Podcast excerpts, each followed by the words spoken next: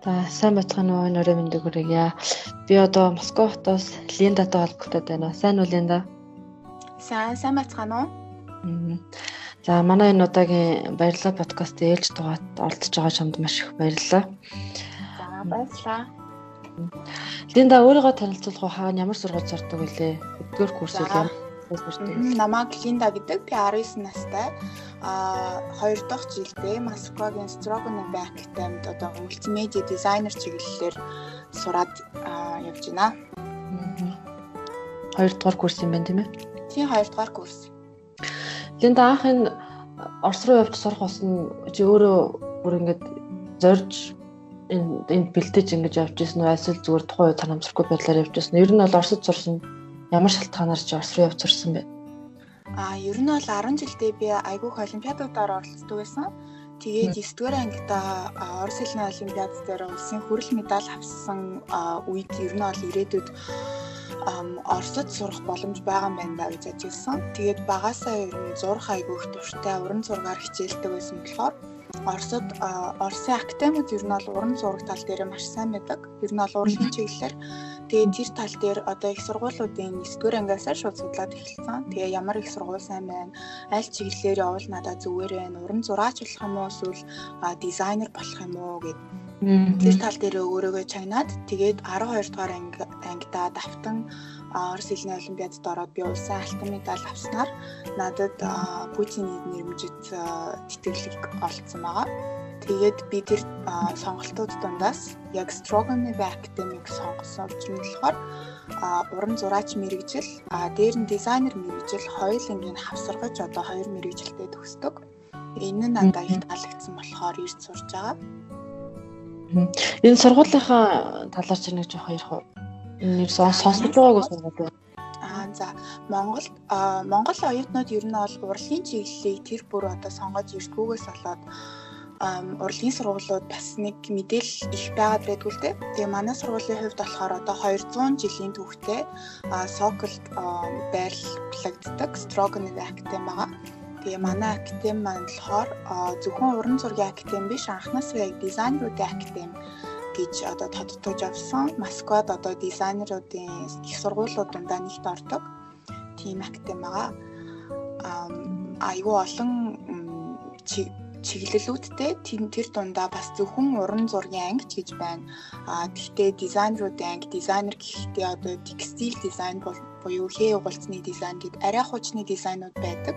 А тэгсэн мөртлөөс одоо мультимедиа дизайн, график дизайн гэсэн орчин үеийн ангиуд бас маш их байдаг. Мэдээж хард зураг, уран зураг тэгээд уран баримлыг бас хаягддаг. 7 хоногт 3 удаа заавал тэр академик хичээлүүдэд ордог орохдоо бид нүцгэн натуруудтай хамтраад анатоми үзээд бүх зүйлүүдийг одоо мэрэгжлийн төвшөнд сурдаг гэж хэлж болно. Аа. Бид нар чинь ерөнхийдөө нөгөө орлогын сургууль гэхээр за бараг л санктаас өөр газар бараг л мэддэггүй юм шүү дээ одоо ингээд бодоод ирсэн чинь. Аа. Санкт тийм тийм. Санкт чинь ер нь Оросын тийм урлагийн хот аахгүй юу тийм. Тэгэл автоматар ерөөсөө бидний нэг сэтгэлгээнд цанкт дурлагын сургууль байх гэдэг Москвад байдаг ч гэсэн тийм нэг Монгол оюутнууд чиний хэлдгээр нэг их сонгож суралцдаггүй болохоор мэдээл хомс байдаг юм байна л да харсангуй. Тийм. Яг нь судлаад үзвэл аягүй сонирхолтой Москвадаас урлагийн чиглэлээр сайн сургуулиуд бас аягүй олон байгаа. Миний мэдхээр нөгөө одоо бид нар хэл орон зохиолын хүмүүс бол Горкийн нэрмж тутах зохиолын сургууль гэж байгаа шүү дээ. Тэрийг л ерөнхийдөө мэддгээс биш бусдаар бол ерөөс байгаа юм. Тэгэхээр Линдагийн хувьд бол юу юм бэ штэ? Орос хэл бол 10 жилдээ маш сайн суур тавигдчихсан юм штэ тийм ээ? Ер нь бол дийж хэлж болно тийм. Тийм юм байна. Тэгэхээр ерөнхийдөө анх ингээд энд байхдаа 10 жил байхдаа Орос хэл сурч ирсэн тухайн үед одоо хүндрэл бэрхшээлийн үед исэн юуг нь илүү даваа тал болгож ашиглуулсан. А тэгээд цаашлаад энэ нь ингээд Оросд очсны дараа зарим нэг зүйл мэдээж ингээд цасны бодол өөр байдаг шүү дээ тий. Тэр тохиолдолд ямар ямар бэрхшээлэг даван туулж исэн энэ талаараа ярих уу? Аа за Орос хэл маань ер нь бол дэлхийн хамгийн хэцүү хэлнүүдийн маань нэгт тооцогддог байгаа. Аа тэгээд сурахад мэдээж хялбар бол байгаагүй. Гэхдээ би өөрөө багасаа нэг тийм айгүй интроверт хүүхдээсэн. Ер нь бол гадаа тоглодог төрлийн хүүхэд биш. Гэртээ ингээд буудаг төрлийн хүүхэд. Манай ээж одоо ингээд сүлд ингээд ярьж яхад цэцэрлэгт ингээд очиод намайг авах гэхээр ингээд нөгөө хүүхдүүд ингээд тоглолт нь штэ хоорондоо ингээд ойролж чарлаад тэрэнд нь биш. Ерөөсө буланд нэг тийм юм ширтээд юм уу ганцаараа ирээд эсвэл зураг зураад цааж идэг гэсэн гэж ярьтай. Тэгэхээр хэл сурахад ер нь бол а гол нь өөрөө өөрийгөө сайн таних гэх юм уу? Хүн болгон өөрөө айгүй юник байдаг. Зарим хүмүүс хэрэглэн дээрээ тулгуурлал сурдаг. Зарим хүмүүст илүү ном уншихад тусалдаг зарим хүмүүс илүү грамматик талдаа сайн байдаг. Одоо introvert, extrovert гэж чи ялангуяа бүр наривчлаа ярих юм бол одоо миний харж байгаа нэг үйлийг өөр хүн арай өөр үйл болгож хардаг. Бидний харааны чадвар хүртэл хоор хоорондохоос жоохон ялгагдчихийдэг байхгүй юу? Тэгэхээр яг өөрийнхөө л сурах арга барилыг сайн олох хэрэгтэй юм лээ. Тэгээ багасаа би угаасаа л хилэнд их сонирхолтой хүүхэд байсан. Ер нь бол хичээлээ хийдэг, уран зураг бас зурдаг. Аа тэгээ хил айгүйх судлах сонирхолтой хүүхэд. Аа яагаад гэх юм бол одоо нэг анзаарч байгаа зүйл маань хэд 10 жилд ингээл бид нэр бидалт, реферат гэдгээр ингээл хийдэж штэ. Аа тэгэхэд би ингээд Google-с монгол хэлээр одоо мэдээлэл хайх гэхлээр айгүй бага юм олддог.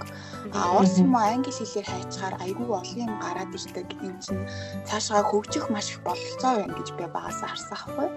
Тэгээ одоо ч гэсэн би энэ хэл судлах хоббигоо ерөөсөө хаядгүй. Одоо орос англи хэлтэй ч гэсэн оросд одоо ингэж оюутан болж ирээд одоо 2 жил би дагаад бас герман хэл ингээд судлаад явж байгаа. Энэ маань ер нь бол хийх ёстой зүйл гэж үздэггүй. Би өөрийнхөө айгүй их тийм passion, hobby энүүгээр надад айгүй гоё одоо мэдрэмж өгдөг зүйл гэж эргээр харснараа сурах юм ажиллах гэсэн зүйл маань айгүй хөнгөвчлөлтөө өвчдөг болоо гэж болгож байна. Тийм. Тэгэхээр энэ заавал хийх ёстой ажил зүйл юм албатан гүйцэтгэх ёстой ямар нэгэн үүрэг даалгавар гэдэг утгаар нь биш өөрөө миний одоо хамгийн сайн чадж байгаа зүйл те намайг хөгжөлтэй дур сонирхолтой байлгаж чадж байгаа зүйл гэж харж сурах юм бол юу ч хийсэн юу ч сурсан амархан байх юм шүү дээ тийм ээ. Тий, ер нь бол тэгээд гол нь өөрийнхөө нөгөө сурах арга барилыг одоо яавал өөрт чинь гой хөгжилтэй, гоё аргаар сурж болж ин гэдэг маш сайн одоо олох хэрэгтэй л гэсэн үг л дээ. Тэгэхгүй бол хүмүүсийн нийтлэг гаргадаг алдаа нь өөрийгөө айгу зоогоод идэх байхгүй. Ном унш чаддгүй хүмүүс байдаг шүү дээ. Тэгэхээр ном унших хүсэлгүй, дурггүй, бүр ном харахаар дурггүй үргэлж шатамаар хүмүүс байдаг шүү дээ. Тэр хүмүүс ингээл өөрийгөө ном унших галж түлээл ингээл зовоолах хэрэггүй ингээд. Үнэхээр кино үзэх туртай бол тэр хэл дээр кино үзээд эсвэл тэр хэлийнхаа тэр одоо жишээ нь жин native орс хүмүүстэй эсвэл одоо англи хүмүүстэй найзлаад уцаар яриад уулзаад тэгж бас болно. Өөр өөртөө гой сонирхолтой тэгээд өөр өөртөө зовоохооргүй тийм арга хайх хэрэгтэй гэж би бол үздэг. Тэгэхээр миний ойлгосноор ерөнхийдөө Монголоос Оросд очлоо гэж чамд тулгарч ирсэн бэрхшээл бол маш бага ер нь байгаагүй гэж ойлгож байна. Тэгэхээр байсан шүү. Анх би нөгөө нэг багаас айгүйх ном уншдаг. Тэгэл Пушкин, Толстой бид нэрээр ер нь бол айгүйх уншаад өссөн. Тэгээд Орос цаг хүрээд ирсэн чинь нөгөө ярианы маань Орос хэлдэг чинь шал өөр болоо явцсан. Би ингээд багш нартайгаа зүгээр одоо були миний яриад байгаа мөртлөөсөө үеийн хүүхдүүдийн яриаг бүр огт ойлгохгүйсэн аахгүй би. Тэгээ ангидаа суучаад би бүр юу болоод байгаа ингээ ойлгохгүй 4 хоног би дур тугаасуулсан. Тэгээ айгу нэгтэй ангийнхандаа би яриад яагаад ингээд та нарыг нэг өөр хэлээр яриад ах шиг байна. Надад заагаад өгчээч би танд юуээс яриаг ойлгохгүй байна гэд. Гэсэн чи ээ хөөхий дөө гэд намайг ингээд трендээр суулгаж жагаад өөртөө шин дэвтэр гаргаж өгч жагаад Орсын бүх нөгөө мат өгнүүдийг надад заажсэн. Тэгээд нөгөө орсчаа аюу сонирхолтой ингээд мат өгнөөсөө зүгээр үг болгож хуургаад тэргээ ярианда хэрэглээ явдаг штеп. Тэрүүдийн надад зааж өгөөл тэгэл тэр мэрийг ингээд сураал Тэгэл цаашаага ингээд баг багаар ингээд үеийнхэнтэйг ойлголцоо ол ингээд явдаг болсон. Тийм тэрэн дээр жоохон бас асуудал байсан. Тэгээд бас өөр нэг асуудал байсан маань юу вэ гэхэлэр монголчууд айгүй нүг юу юм бэ? жоохон ичээд байт юм байна. Хүнтэй юм ярихаас баярлалаа эсвэл уучлаарай гэж хэлхээс ичээд байт юм шиг байна. Тэгээд анхны удаад болохоор уучлаарай надад тэр замыг заагаад өгөөч гэж ингээл нэг хүнээс юм асуудаг штэ. Тэрэн дээр бас айгүй одоо нөгөө ичээд гэх юм уу хүнтэй үг дуурч чадахгүй тиймэрхүү асуудал байсан. Тэгээд Оросд маань айгүй нээлттэй хүмүүс цаанаасаа л айгүй нээлттэй хүмүүс тэгээ тэр одоо зангийн ч гэсэн суурлуулж сурах хэрэгтэй л гэдэг юм л л тэ. Тэгээ нээлттэй хүнээс юм асууж нээлттэй ярилцж чадсанараа ер нь бол өөртөө нэг нэмэх авч ийн л гэсэн үг сайн тал. Тийм. Бусдын давуу талыг өөртөө давуу тал болгож ашиглах нь шүү дээ, тийм ээ. Тийм. Зөв зөв. Тэгэхээр учирч ирсэн хүндрэлгүй чам тэгэхээр маш ярианы л тийм юм шүү дээ. А тэгэхээр одоо манай подкастын гол зорилго юу гэхээр хүндрэлийг чи маш хурдан даваад тулчихсан юм байна. Маш хэлбэр аргаар тий. А тэгээд чи түрүүн тэглээ шүү дээ өөр ингэсэн сурах арга барилттай л байх хэрэгтэй гэд. Тэгэхээр чи өөрийнхөө сурах арга барилтыг одоо улбаалаад хүмүүст одоо ерөөдөө миний хувьд би хэлийг яг ийм аргаар үгийг ингэж цээжлээд тэ дүрмийг ингэж тогтоогоод өгүүлбэртээ ингэж ашиглаад бусдаас ийм аргыг наваад хэрэгэлдэг гэсэн яг чиний өөрийн зөвлөгөөг болохоор манай подкаст ингэж үнэн гол зорилго хүсдэг байхгүй. Наад Линда бол одоо өөрөө өөртөө боловсруулсан нэг арга байгаа шүү дээ. Чам яг тэр аргыг чинь бидрийг одоо ингэ бусдад түгэх гэдэг энэ подкастыг миний хэл сурж исэн арга гэвэл дөрмөө огт хайж болохгүй. Дөрвөн бол угаасаа нэг хоёр биш гурав биш угаасаа нэгтэл байх хэрэгтэй. Өөр хэл сурсан ч гэсэн ер нь бол дөрмийг суйрлуулах хэрэгтэй.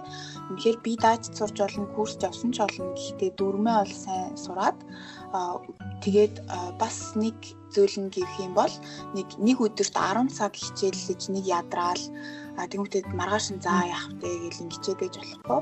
А хэл сурах гэдэг маань ерөөсөө яг ингэж дайет одоо нөгөө хоолны дэглэм юм биш одоо хоолны дэглэм шиг дээр нь бас нөгөө физикал биеийн тамирын хичээл шиг байдаг аахгүй нэг өдөр амар их бэлтгэл хийгээл ядраал дараагийн өдөр ингээд сулдаал ингэчиж болохгүй. Тийм болохоор өдөрт ядч нэг цаг эсвэл цаг 30 минутыг яг одоо хилэндээ зориулаад яг суугаад яг таймер тавиад ч болтугай ингээд суугаад эхлээд 30 минут дүрмээ үзээд сэргээгээд дахиж шинэ дүрмүүдээ үзээд тэгээд одоо өөртөө гэрийн даалгавар өдөр алга өгөх хэрэгтэй. Юм бол өмнөх хичээлийнхаа даалгаврыг өөрөө сэргээчээд дараа нь өнөөдрийнхөө хичээлийг гүйлгэж харчаад тэгээд өөртөө гэрийн даалгавар өгөх чинь гэрийн даалгавраа оройн нарай амарч яагаад 30 минут хийдэг ч байт юм уу? Тэгээд үлдсэн цагтаа одоо чи яаж одоо хилээ сурвал сайн кино үздэг юм уу дуу сонсдог юм уу эсвэл чи ном уншдаг юм уу тэрийг бас хийгээд 30 минут дөрөн байлаа гэж бодоход нэг цаг одоо чиний одоо чамайг баясгадаг нэг зүйлийг хийж хэрэгтэй гэсэн үг байхгүй юу? Тэгэхээр чи ер нь бол 3 1-ийн 3 2-ын харьцаатай ингээд яваад тахаар өөрийгөө зовохгүйгээр ямар нэгэн зорилгот хүрэх гэсэн миний тийм хувийн теори л байдیں۔ яг хуу бусад хүмүүс яаж ирэх чиг бол сайн мэдэхгүй л байна тийм Тэгээ өдөр алган тэр зүйлийг хийх хэрэгтэй. Нэг ч өдөр алгасаж болохгүй. Чамд бол амралтын өдөр гэж байх ёсгүй. Жилд 365 хоног байдаг бол 365 хоног хичээлэх ёстой. А гэхдээ 365 хоногийн аль ч өдөрт нь чи хэд их хичээлж болохгүй, хэд бага хичээлж болохгүй. Ер нь бол одоо нэмэх асах яг нормал хэмжээгээ л барьж явах хэрэгтэй. Өөрийгөө залхааж болохгүй гэсэн үг байхгүй, зовоож болохгүй. Залхахгүй, ядраахгүй хөгжилтэй ингийн арга тасралтгүй өдөр тутам тасралтгүй хичээлж ингээл сурж байгаагийн үр дүн гарах юм шүү дээ тийм ээ. Тэгэхээр шинэ үгээ яаж хэрхэн мартахгүйгээр удаан тогтоож хурдан тэжилдэг вэ?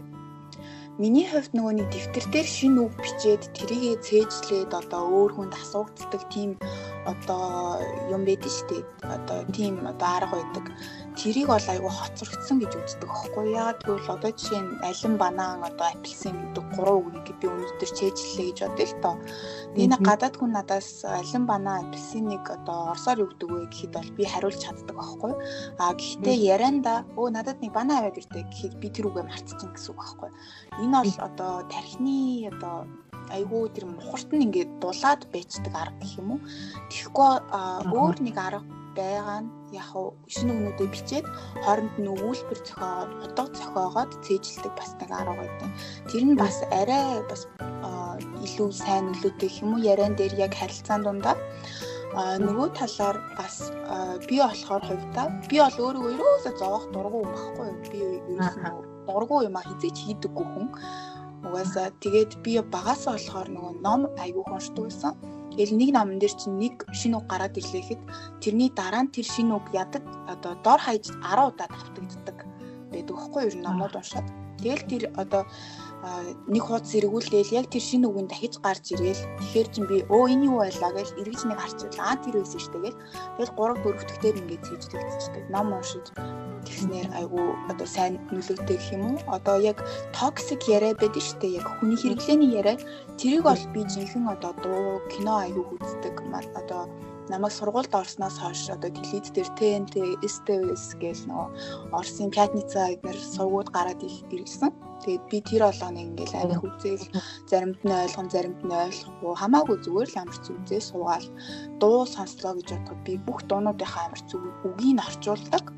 Тэгээд тэрийг ингээд дуулаад ингээ утгыг мэдэрч дуулж муулдаг тийм тийм хөвгт. Тэгээд одоо тийм л аргатай байсан гэх юм уу?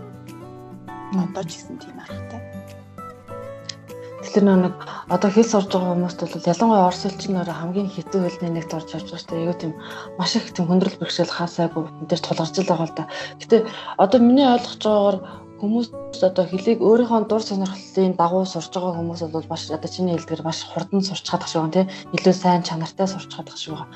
А гэтэл одоо ер нь бол орос хэл гэлтгүй ямар ч гадаад хэлийг огт чинь мэдээж хүн хэлэнд ямар нэгэн зүйл дуртай байдаг юм чи бас дургуйч гэсэн байж болно шүү дээ. Үнэхээр хэл сурах хүсэлгүй, сонирхолгүй, тэ дурггүй бүр дээрээс нь шаардлагагүй ч гэдэг юм уу. Тийм хүмүүс байгаад а гэхдээ бид нар ч гэсэн одоо юу гэдэг зарим тохиолдолд хэлний хэрэгтэй мэдээж үргэлжлэн магад гардаг штеп. Одоо ингээд миний энэ хамтран ажиллаж байгаа сургалтанд маань бүр заашгүй хэрэгтэй учраас би энэ орслыг сураад байна гэнэ сурдаг хүмүүс байгаад байхгүй.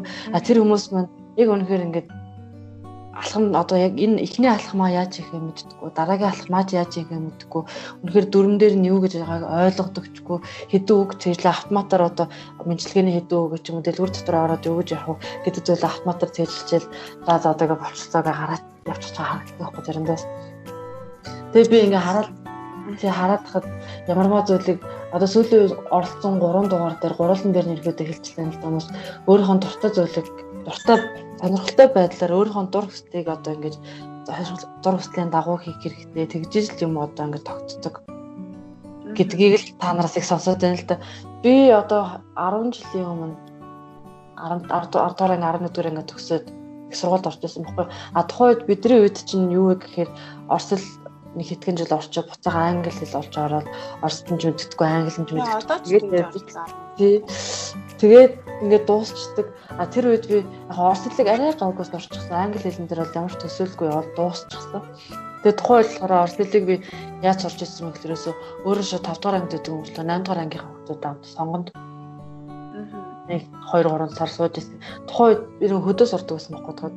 Тэгээд нэг орос хэлийг 3 4 сар үдчихээл тэгээ би шууд доктороо шилжчихсэн чинь хотод болохоор тухайн орсон сургууль маань орос хэлний анги гэж байхгүй зөвхөн англи хэлтэй гэд Тэгэл нөгөө нэг айгүй гой тийм тавигдсан байсан. Суур маань ингээд автоматар байхгүй бол англи хэл рүү механикаар очивол. Тэг би англи хэлэнд бүр амар дургу болсон байхгүй маш дургу одоо би 7 8 5 жил 10 жил байсан 5 жилдээ. Дээрэс нь их сургуулийн 4 жилдээ ахаал магистрийн 2 жилдээ ингээд байнга англи хэл үзэж байгаа юм болоо тэрийг ойлгоод байгаа юм болоо би тэр ингээд ашиглаж чадахгүй уур хүрээд яаж ч мэдгүй надад ингээд ганцантай юм шиг ерөөсөө англи хэл харахаас амар төвхтэй санагдаад. Тэгээ би хойно очиод болохтой орс хэлээ ингээд судлаад байгаа юм чинь одоо буцаад англи хэл сурмаар санагдаж байгаа байхгүй. Ягаад гэсэн чинь орс хэл англи хэл хоёрт маш тийм төстэй чанарууд их байгаад ах шиг байна л да тэгээд ингээд зарим англи өгүүлбэрчүүд юм англи үгийг хахлаар нөгөө сурцсан миний орс хэлний суурин дээрээс нөгөөтгөө ингээд харангуут маш гоё тийм сонирхолтой болж харагдаад эхэлж байгаа л да одоо. Би бас англи хэл орс хэлээр англи хэлийг үзэж ингээд сурдсан билүү гэж бодоод байгаа байхгүй л үү тэгж шиг сонирхолтой. Одоо нөгөө нэг ярьж байгаа заавал одоо сурах хэрэг байна гэл ингээл ер нь бол ингээд айгу зовцсон хүмүүс эд нь штэ тийм. Нэрийн хувьд ч гэсэн ер нь бол 21-р зуун чи айгу юу зун штэ. Та хийхийг хүсэхгүй байвал а хийхгүй ч яж болно. Гэхдээ ирээдүйд нийгэмд танд одоо яаж хандах нь таны л хариуцлагын асуудал гэдэг зүүн болчиход байгаа байхгүй юу. Тэгэхээр ер нь бол үнэхээр одоо болохгүй хийхгүй ч гэсэн болно. Гэхдээ яг юу гэж ажиллаж ийн вэ гэхлээр тэр хүмүүс одоо нөгөө хэл сурах гад за одоо хэл сурчий гэж ойлгоо штэ. Одоо тэр үр дүн нь одоо ямар нэгэн одоо зорилгот нөлөөлнө штэ. Жишээ нь Орос сурах гад байгаа? Орос нэг 2 3 жил ажиллах гад байгаа уу те? Тэр одоо зорилго маань хэр том жижигээс л хамаарч иж тэр хүмүүс ингэж тэр юмаа ингэ зовч хийгээд байна уу эсвэл үнэхээр хүсэж хийгээд байна уу гэдгээс хамаарна гэж ойлгож шин. Зарим хүмүүс чинь тэгэл яг зөвөр л нэг Орос хэдэн жил сураад диплом авчих гал ингээл одоо ерөөсөө ингээл зовцсон хүмүүс гэж тэрийг яриад байгаа шүү дээ. Одоо тэгээд тэр хүмүүсийн одоо зорилго нь хэр том байна гэдгээс л хамаарч. Тэгээд тэр зорилго нь өөрт нь хэр их таалагдж байна юм чинь бас шал өөр төрлийн асуудал болоо явчихж байгаа байхгүй. Жишээ нь би бол үнэхээр эдийн засгаар сурах гад хичээсэн бол би ингэж хичээхгүй. Үнэхээр надад уран зураг дизайн таалагддаг болол би хичээсэн юм уу. Яг нэг одоо өөрийнхөө л зориг гэсэн юм их л одоо нэг point болгож би хараад байгаа юм л та. Одоо хүн бол ер нь л өөр юмсэг байдаг шүү дээ. Тийм. Яг хүний хүсэл зорилго л өөрийг нь яг тэр зүгт хөтлөх байхгүй юу? Тэрнээс биш бол ямар нэгэн өөр хүний хатгаж өгсөн цэг рүү хүн дургасл дээрээ явдаггүй л гэж боддог штеп би бол өөрийнхөө хүсэл зорилгоор л явдаг. Маш нэг тийм богино хугацаанд маш тийм нэг активны ярилцлага чи тэр хийж чадах шиг боллоо миний бодлоор бол харин тийм. Тэгэхээр э, Линда ерөнхийдөө нэг чи зөвлөгөөгөө өгчлөө арга барилаасаа ч гэсэн хуваалцчихлаа шүү дээ. Одоо ингээд өөр нь дахиад энэ тал дээр ярих юмсан ингээд ярьж чадаагүй үлдсэн ч юм уу мартчихсан ч юм уу тийм зүйл байвал нэмээд хэлэх зүйл. Бол тасвал тэгэл нэмэл ярих л ах л баг тийм. Аа би чамаас сая чамтай ярьж байгаа хоорондоо нэг юу хуучин асуудаг байж байгаад Тэгээ орхичихсан байсан нэг асуулт эргэж асуумаар санагдлаа л да. Энэ болохоор цаг төлөвлөлт, цагийн менежмент бай, цаг төлөвлөлт. Тэгээ өдөрт цагаа хэрхэн зохицуул. Энэ цаг төлөвлөлтүүд чинь орчин үед бол маш тийм чухал шаардлагатай хамгийн тийм юу зүйл болчлоо штэ. А тэнгууд одоо нэг ялангуяа цаг төлөвлөлтийг бүр ингээ их залуугаасаа багаасаа 10 жил тахаас ахвал одоо бидний үе дээр өдрийн дэглэм гэдэг шиг те тэгэж явсаар байгаа энэ чинь бүр шинжлэх ухааны төвшөнд очсон ба штэ. Чиний хувьд энэ цаг төлөвлөлтийг хэрхэн ашиглаж яаж ашигладаг вэ? Хэрхэн зохицуулдаг вэ? Жин талаар ерөөд ямар бодолтой байдаг вэ?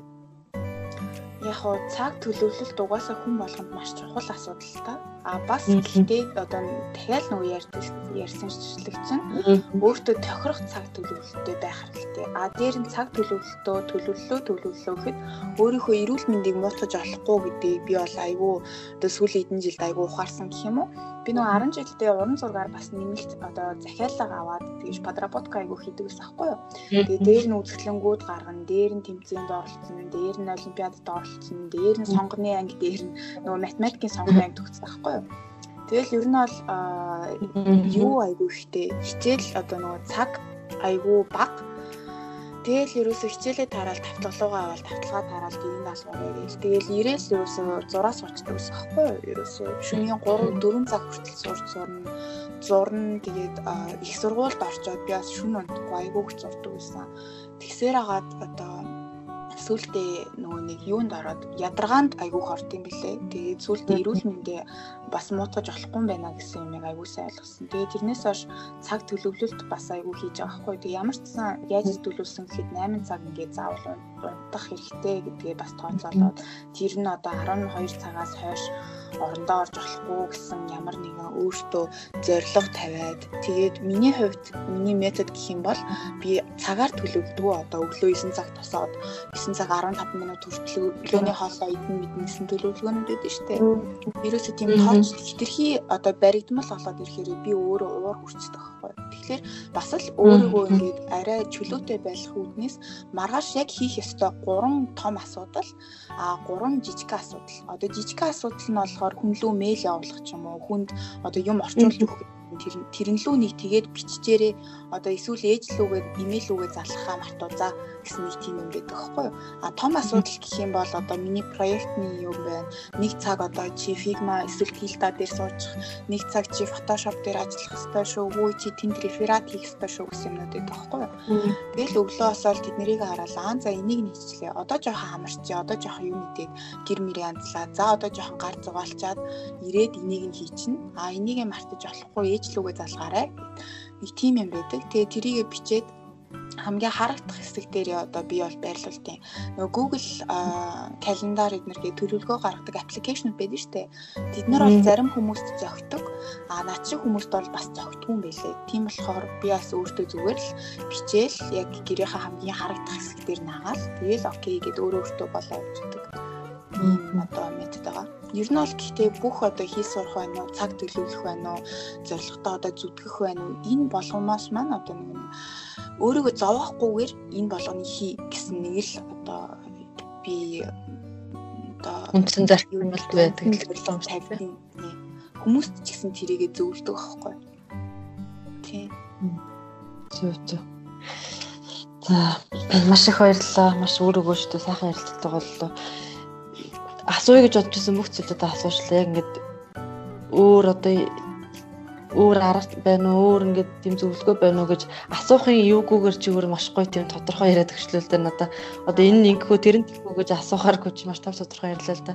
Тэгээ би сайн цаг зүйлтэй холбоотойгоор ахаад нэг юу яхад тодруулаад нэмээд нэмэлхэд ерөнхийдөө нөө төлөвлөгөө гэдэг чинь өөрөө мэдээж тухайн хүний одоо орчинтой зохицсон тий ажил албан тушаал одоо юу гэдгийг сургалтын орчинтой зохицсон байх хэрэгтэй. Мэдээж чам шиг юм уран бүтээлчд одоо би ч гэсэн одоо ерөөдөө зүйлүүд ингэ уран бүтээл тал руу дагж энэ тал энэ тал дээр ажиллаж байгаа хүмүүс гэхэд бол нарийн дэглэмж гэдэг юм уу тийм юм байхад бас хэцүү шүү дээ. Энгийн чөлөөтэй чөлөөтэй сэтгэх боломжийг хаачдаг тий. А гэхдээ мэдээж яг чиний хэлдэг тухай том том зорилгоудаа бай харж явах хэрэгтэй тэрэндээ өнөөдөр хүрэх хэрэгтэй байдаг гэдэг ч юм уу тий. Мэдээж ингээд ажлын цагаар гүйцэтгэх хэрэгтэй ажил байх юм бол тэрийг мэдээж ажлын цаг дотроо дуусгах чинь гэдэг юм уу. Тиймэрхүү хандлагуудыг бас төвшүүлж хэрэгтэй маа гэдгийг бас хүмүүстэй зөвлөхгүй та. Тэгэхгүй бол хүмүүс ойлгох юм гэж байхгүй ойлгохдоо цаг төлөвлөхээр яг л нөгөө нэг өдөөс өмнө ингэх хэвээр тедэн цаг тийм юм хэвээр тедэн цаг тедэн тийм юм дуулах хэвээр нарийн гарах хэвээр л ойлгоо бодоод яваад байдаг. Нарийн ширийг нь мэдэхгүй хүмүүс а ерөөдөө тэр өдөртөө амжуулах хэвээр ажиллаа тухайн 7 хоногт ажиллал хийж амжуулахыг л одоо цагаа зөв хуваарлаад нөгөө өдрийн цаг 30 минутын давталгыг хийгээл тэрийг л хэлээд байгаа штэ гэдгийг л бас ойлгох гэдэг байна. Тийм. Гэхдээ бас наа чи нөгөө нэг юу аахгүй одоо жишээ нь одоо бизнес одоо хийдэг хүмүүс байна эсвэл маркетинг талын хүмүүс байна Тэгвэл одоо энэ салбарт одоо илүү тийм эмччээд юм уу те энэ салбарт ажиллаж байгаа энэ салбарыг сонгож сонирхож байгаа хүмүүсийн илүү нөгөө зүүн тархин одоо хөгжсөн байдаг. А урлагийн хүмүүс илүү баруун тархин хөгжсөн байдаг. А зарим хүмүүс introvert гэдэг, зарим хүмүүс extrovert гэдэг. Ер нь бол миний одоо хүн болгон unique гэж хэлээд байгаа зүйл маань одоо энэ дээр харагдаад байгаа байхгүй. Тэр хүмүүсээ одоо ажилд тохирдгүйгээрээ биш. Тэр хүмүүст үнэхээр тэр одоо нарийн цаг төлөвлөлт бас зохиод байдаг байхгүй. Миний одоо Австралийн Мельбурнд сурдаг одоо бизнес удирдлагаар сурдаг найз байдаг. А тэр хүн болохоор би бас чи ингээд үзээ чи яг энэ тал дээр бит хоёр ярилцчихсэн чинь одоо намааг ингээд чи цаасан дээр бичдэм үү? гэд бүр ингээ гайхаад асуугаад байхгүй. Тэгэл би тийм гэсэн чи чи Google calculator гэж мэддгүй юм уу? гэж надад асуусан байхгүй. Би чинь тэгээ би мэддэг би оролдож үзээд надад тохироогүй гэсэн хариултаа өгөөд тэгээ тэр одоо найзд маань ер нь ингээ бизнес одоо энэ талын хүмүүс одоо ажиглаад ахад илүү тийм одоо цаг цагийн нарийн төлөвлөгөө одоо тэр нь одоо Google calculator дээр одоо Google календар дээр ороод харахад бэлэн байж идэг юм айгу амар үед юм шиг санагдсан. Тэгэхээр одоо хүн болго өөрсдөө одоо таниад өөрсдөө одоо мэдэрнэ гэж ярьдаг нь чухал гэж үзэж байгаа юм аахгүй юу? Тэгээ бас өөртөө хэрэгцээнд тохиолдно гэж. Хэрэгцээнд шаардлагатай нийцүүлнэ гэсэн үг. Яг өөртөө дотоод одоо хүн хүнийг бас сайн мэдэх хэрэгтэй. Зарим хүмүүс би ямар 税金っていう場所にとこうやわって言ってらっしゃって。Тэр тал дээр бас одоо үнэхээр мэдгүй бол судалж үзэж бас болно шүү дээ. Маш олон тийм ном одоо хүнийг таних арга, хүний хүмүүжлийн арга, одоо чиний одоо хүүхд нас чинь чамд яаж нөлөөлсөн байна ч гэдэм үү. Эсвэл одоо introvert, extrovert ялгаа, эсвэл тэгэл хүн болгон хоорондын харилцааны ялгаа гэд маш олон номнууд байдаг. Маш олон одоо маструуд байдаг. Тэднийг бас судлах үзэх хэрэгтэй.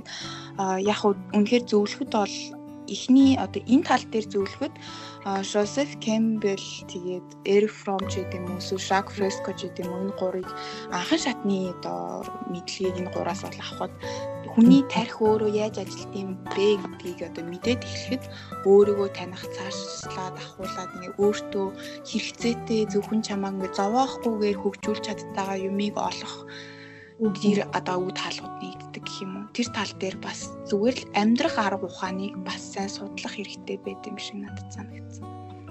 Тийм би мэдээж одоо одоогоос бидний нийгэм чинь ямар нэгэн зүйлээр хайрцаглагдаагүй бүх юм нээлттэй тий. А тэгээд ганц зүйлийг мэддэг байлаа гэд ганц зүйлээ төгс төгөлдөр чаддаг байлаа гэд тэр нь ингээд бидний ингээд оюуны ч гэдэг юм уу тархины хэмжээ болж чадахгүй байгаа тийм нийгэм баг штэ биднээс үргэлжил ирэл бүтээлч байдлыг ямар нэгэн шин зүйлийг эрэлхийлэхийг шаардж байгаа юм нэг юм. Тийм болохоор одоо яг чиний хэлснээр хүмүүс би зөвхөн одоо эдийн засгаар сурдаг гэд ч юм уу айсуул одоо юу гэдэг би зөвхөн цэргийн сургууль сурдаг гэж эргүүрээ хязгаарлаад хайчихгүй тий мэдээж яагаад бид нар сэтгэл судлаад хүнийг таних нь хүний оюун ухааны тарих толгой яаж ажилладаг гэдэг талаар зөвхөн судалцаж болохгүй шүү дээ. Зүгээр ингээд мэддэг байхаа энэ талаар ойлголттой байх хэрэгтэй. Ийм цаг үед амьдарч байгаа шүү залуучуудаа бас нэр хэлмээр санагчлаа байлээ. Ийм учраас бид нар бүгд ирэл чайгуулч те тийм одоо зүгээр л ингээд суугаал байвал суугаал байж болно шүү дээ. Зарнаас өгөхгүй суугаал байж болно те. Тэглээгээд бид ямар ч ашиг тус байхгүй. Гэтэ бид нэг 20 удаатай ч юм 200 удаатай ном уншаад энэ талаар ойлголт мэдээл авчвал бид нарт л хэрэгтэй, надад л хэрэгтэй. Тэгээл ойлгох хэрэгтэй юм болоо гэж бодлоо та бисаа. Тийм наад захаа одоо анзаарэгддэг асуудал маань гэхэд манай найзууд надад ер нь бол айгүйх тэгэж юм хумаа ярьж зөвлөгөө авах туртай айгүй хүмүүс байдаг байхгүй юу. Тэгээд одоо жишээ нь эдийн засгаас сурч байгаа энэ одоо цэргийн сургуульд байгаа хүмүүс ингээл над дээр ирэл найз нь одоо нэг юм хүсээд байгаа мөртлөөсөө тэр зүйл рүүгээ алхаж чадахгүй байна. Одоо ингээд зогсчлоо. Тэрнээсээ ингээд энэ би тэр зүйлийг хиймээр амарчлаас айгаад байна гэсэн асуудалтай. Айгүй олон одоо хүмүүс эсвэл ингээд өөрийгөө өөрчлөмөр байна. Гэхдээ эхний алхам хийхэд хэцүү байна гэсэн асуудалтай. Тэр бол одоо цэвэр одоо тархины үйл ажиллагаа цэвэр сэтгэл зүйн асуудал байхгүй юу. Тэгээд би одоо чи наад захын одоо энэ энэ номнуудыг уншиж эсвэл чамд уншихад хэцүү байвал чи интернетээр ороод аудио ном юм уу лекцэн сонсчих гэдэг байхгүй. Тэгэд наад захын одоо хүмүүсийн ихвчлөө өгдөг хариу нэхэр би сэтгэл зүйч биш юм чинь надад сэтгэл зүй судлах ямар хэрэг байгаа гэсэн одоо асуултыг тавьдаг юм уу? Тэгэхээр чи одоо сэтгэл зүйч чи тархитай хүн үсттэй. Тэгэхээр чи өөрийнхөө биений нэг хэсгийг яаж ажиллаж байгааг одоо мэдмээр санагдахгүй байна гэж юу гэсэн би одоо хариултыг өгдөг гэх юм. Тийм.